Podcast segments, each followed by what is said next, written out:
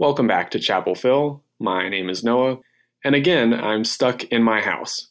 We've all been stuck in our houses this semester, and what has that done for our mental health? Not being able to get out, not being able to interact with other college students. It certainly does have an adverse effect on many people. Well, what sort of effect does it have, and how do we have to act? That's what we'll be exploring today in Chapel Phil.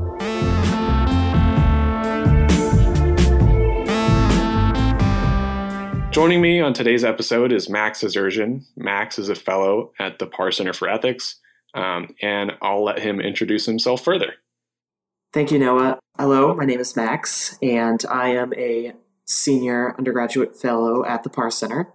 I am in charge of website design, and we wanted to put this together because as college students living in this unprecedented time, the best way to overcome some of the challenges we have uh, is to talk through them. So, to get us started on this discussion of mental health, let's talk about a claim that many people make regarding how we interact and what kind of beings we are just as humans. People say that we're social beings. People say that we need interaction to have good mental health.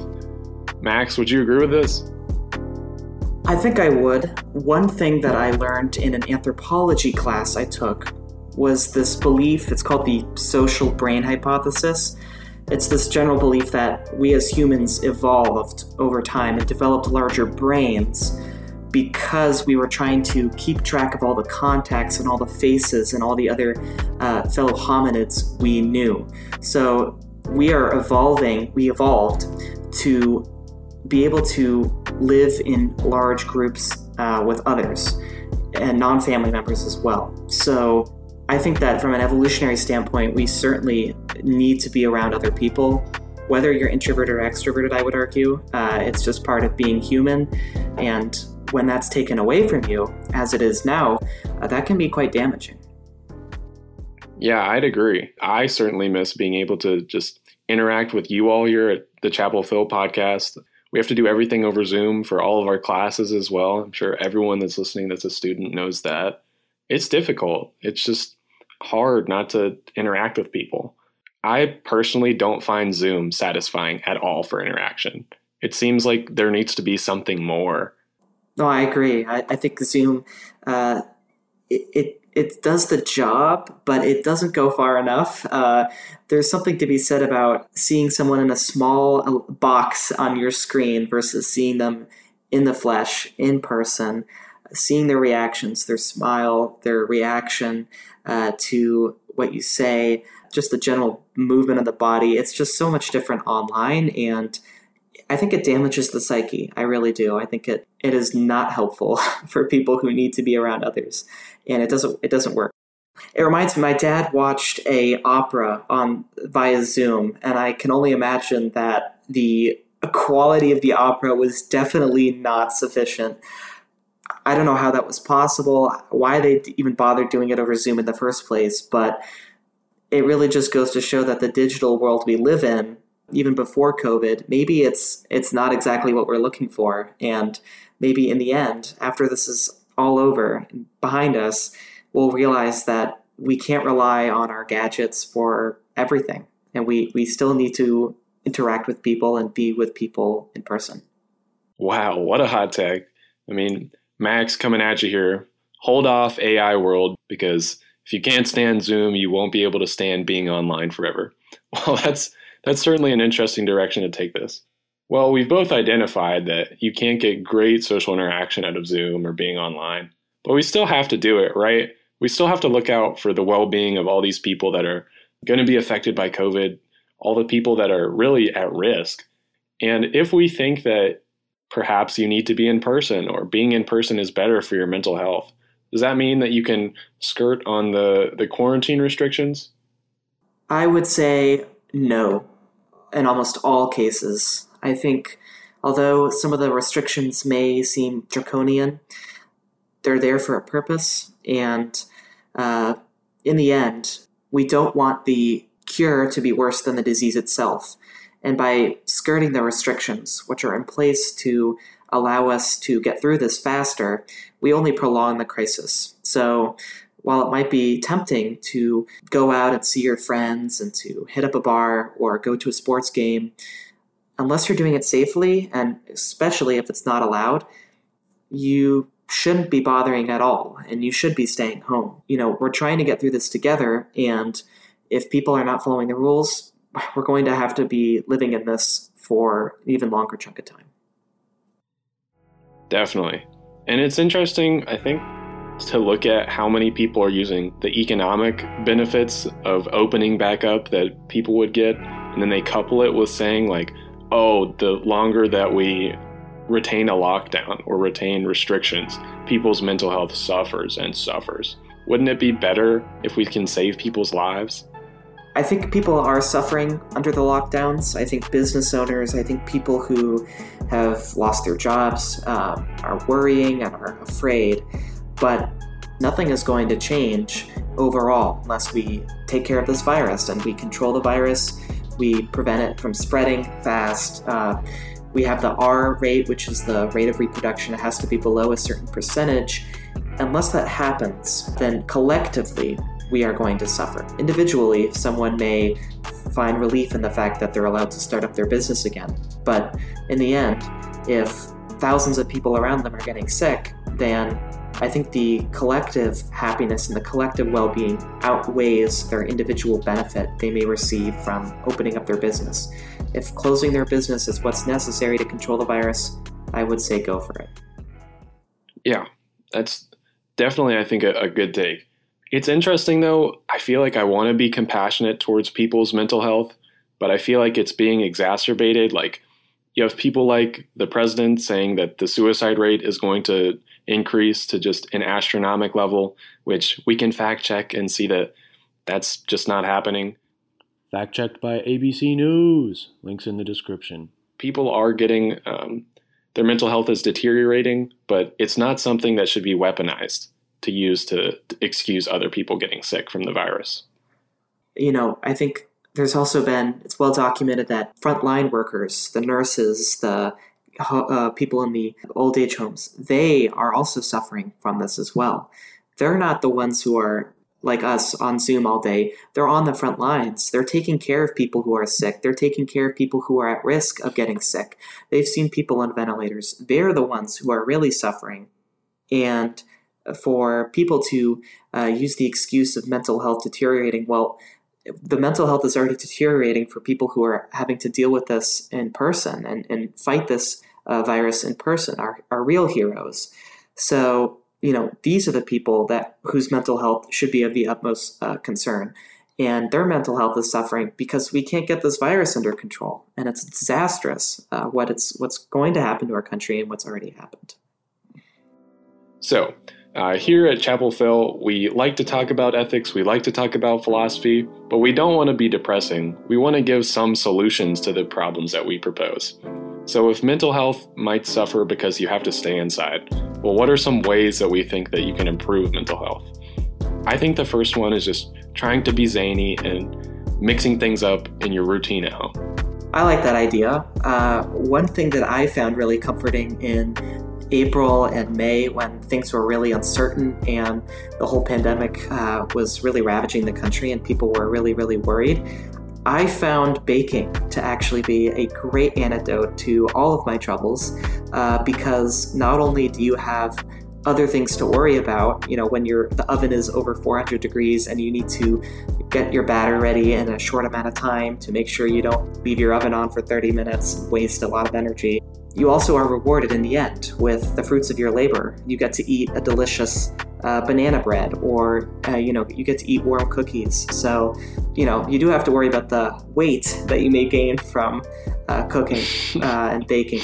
But uh, I think uh, that is one of the possible solutions people can adopt to improve their mental health during this uh, crisis. There you go. Everyone that's listening, just be wholesome like Max and start baking things. It'll cure your quarantine depression right away. That's right. That's right. just listening to it has, has made me feel better. Well, I've certainly had some some rough days and when I want to feel better, I have to do more extreme things, I guess. I can talk some other time about the philosophy of absurdism and just living a crazy life. Um, I think it's kind of fun. It's mostly like Albert Camus. We won't go into him now, but trying to follow in his ways, I ended up putting a pumpkin on my head and going to class one day. It was pretty crazy. Um, it made some people laugh. Sometimes I think laughing at yourself can can also be helpful for for dealing with your mental health. Maybe that's just me. No, I think that's all. I think that's great. I think humor is an important antidote as well. One thing that I found hilarious was uh, going back and looking at some of the vintage SNL clips from seven, eight years ago. Uh, just it's weird to think about. That's what the world was like, you know, eight years ago and up until recently. But it, it gave me the a refreshing sense knowing that the world will return back to normal. It will come back to the way things were. And, uh, you know, things might be crazy now, but there's plenty of years ahead. There's a lot of potential for things to come back to the way they were. And so there's no need to be worried uh, about the long term effects of everything. That's, that's just something that I've discovered. Understanding there's like a certain amount of risk, there's a certain level that you should be afraid of the virus, right? Try not to let it take over your life and make you completely scared or completely fearful of going outside because being in quarantine and being locked down doesn't mean that you can't just go observe nature or try to find something wholesome outside as well. Trying to stimulate, I think, all of your senses is a good way to remind yourself that you're fully human. You used to live a life that experienced all those things every day. That's right. And I think especially the outdoors component of things, you know, I try to go on a walk almost every single day just to help clear my mind and you know, reading the works of romanticists like uh, uh, Shelley, who wrote Frankenstein, uh, even then, hundreds of years ago, they recognized that the outdoors uh, has a way of clearing the mind and filling your soul with something uh, that can't possibly be described. Just because there's a pandemic going on doesn't mean that that's lost on us. We can still enjoy the outdoors and, you know, listen to the birds and see deer, get the same sense of fulfillment that we did before uh, the coronavirus, and uh, it's key to live your life safely now, but also try to live your life as normally as possible. And going outdoors is the perfect way to do that.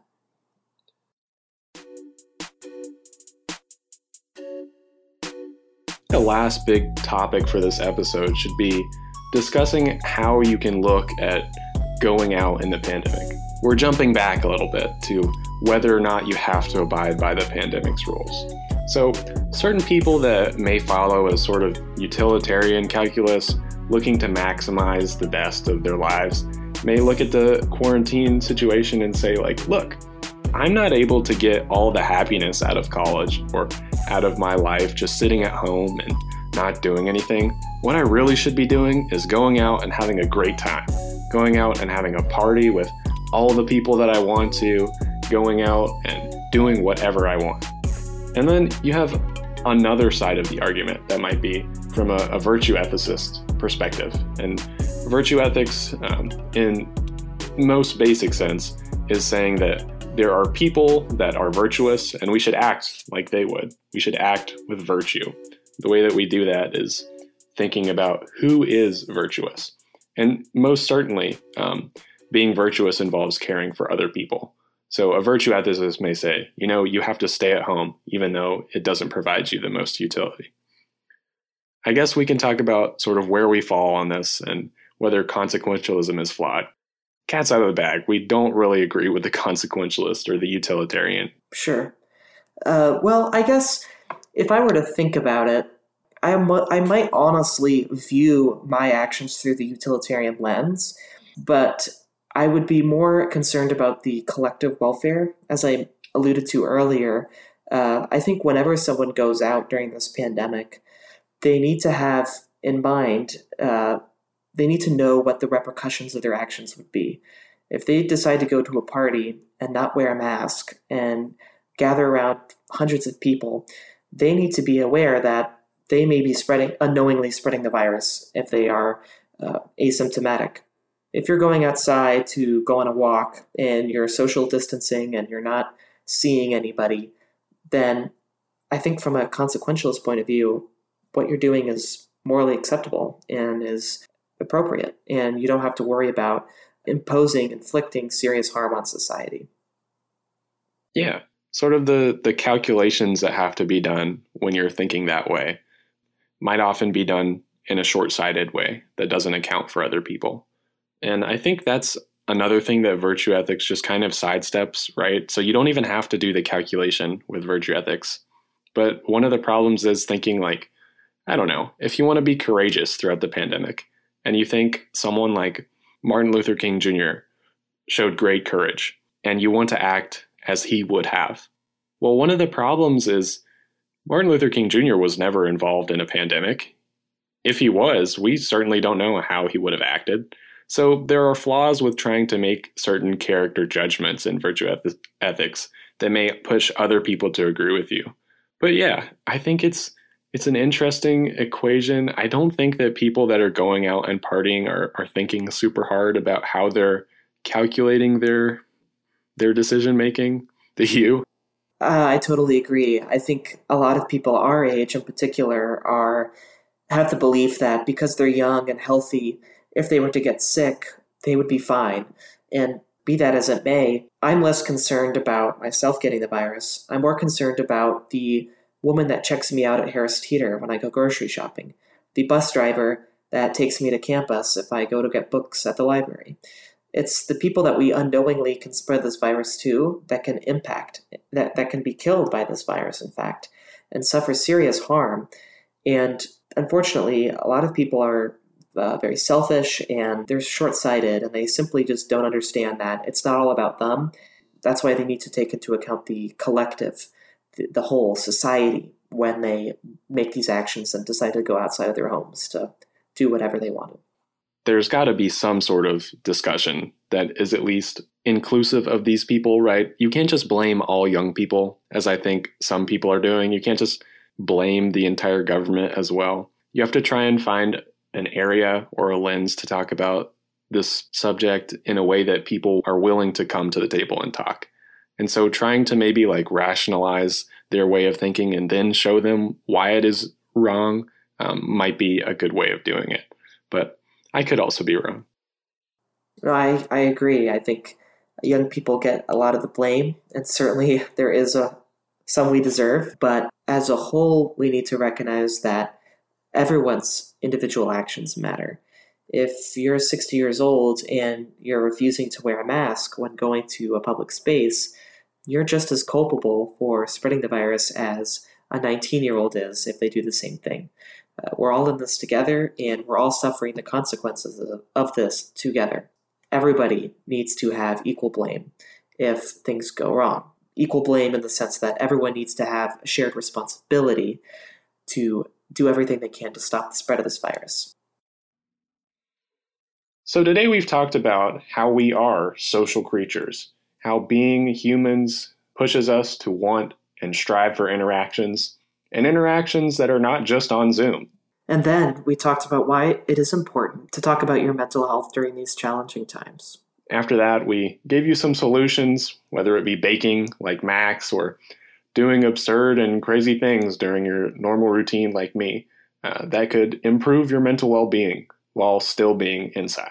And lastly, we discussed how you could apply some basic ethical theories, utilitarianism, and virtue ethics to explain how people react to lockdowns.